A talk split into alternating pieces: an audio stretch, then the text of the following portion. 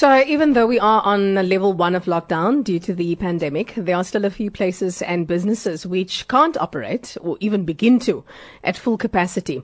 So unfortunately, the Kirstenbosch Summer Sunset Concerts is such an event.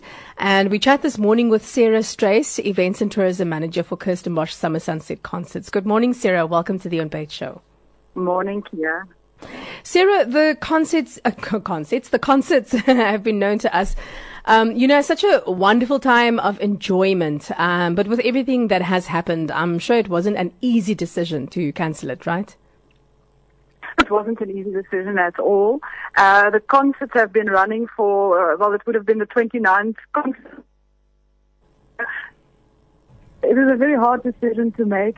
Um, we can't imagine the garden without uh, concerts in, in summer. Mm. And also, it's a very important fundraiser for Kirstenbosch.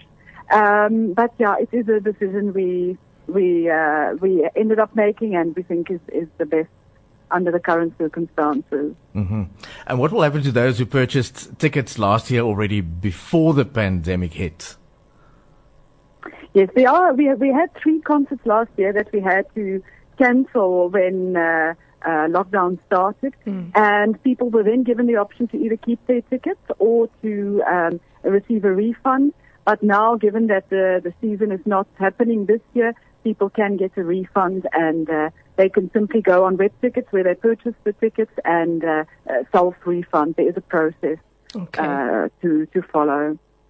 So, um, at this point in time, obviously, you would need to wait until, um, you know, lockdown level one has gone. Um, I would assume because it needs to be a post-lockdown situation before the Kirstenbosch Summer Sunset concerts can resume again. So, what are your guys' plans, sort of, for the future ahead? Are you just sort of see how things go, and it'll be touch and go for now? Yeah, the the thing is, uh, uh planning a series like uh, the Summer Sunset concerts takes months. We mm. usually start planning when uh, the the one season is ending. We're already planning the new the season. next year. Yeah. So for now, given the uncertainty over the next couple of, of weeks and months, um, it would we, we just can't see us planning that for the rest of summer.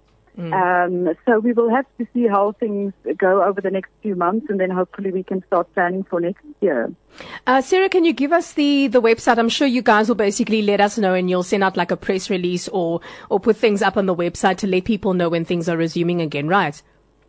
Of course, absolutely. Okay. On the Kirstenbosch uh, social media as well as our website, mm-hmm. which is SANBI.org. That's uh, South African National Biodiversity Institute that we are awesome. of. Okay, great stuff. Thank you so much. Awesome. Thank you very much, Sarah. And uh, yeah, all of the best for the future. And I hope that you guys can get started as quickly yeah. as quickly as possible. Thank you so much. Thank you. Yeah, Bye.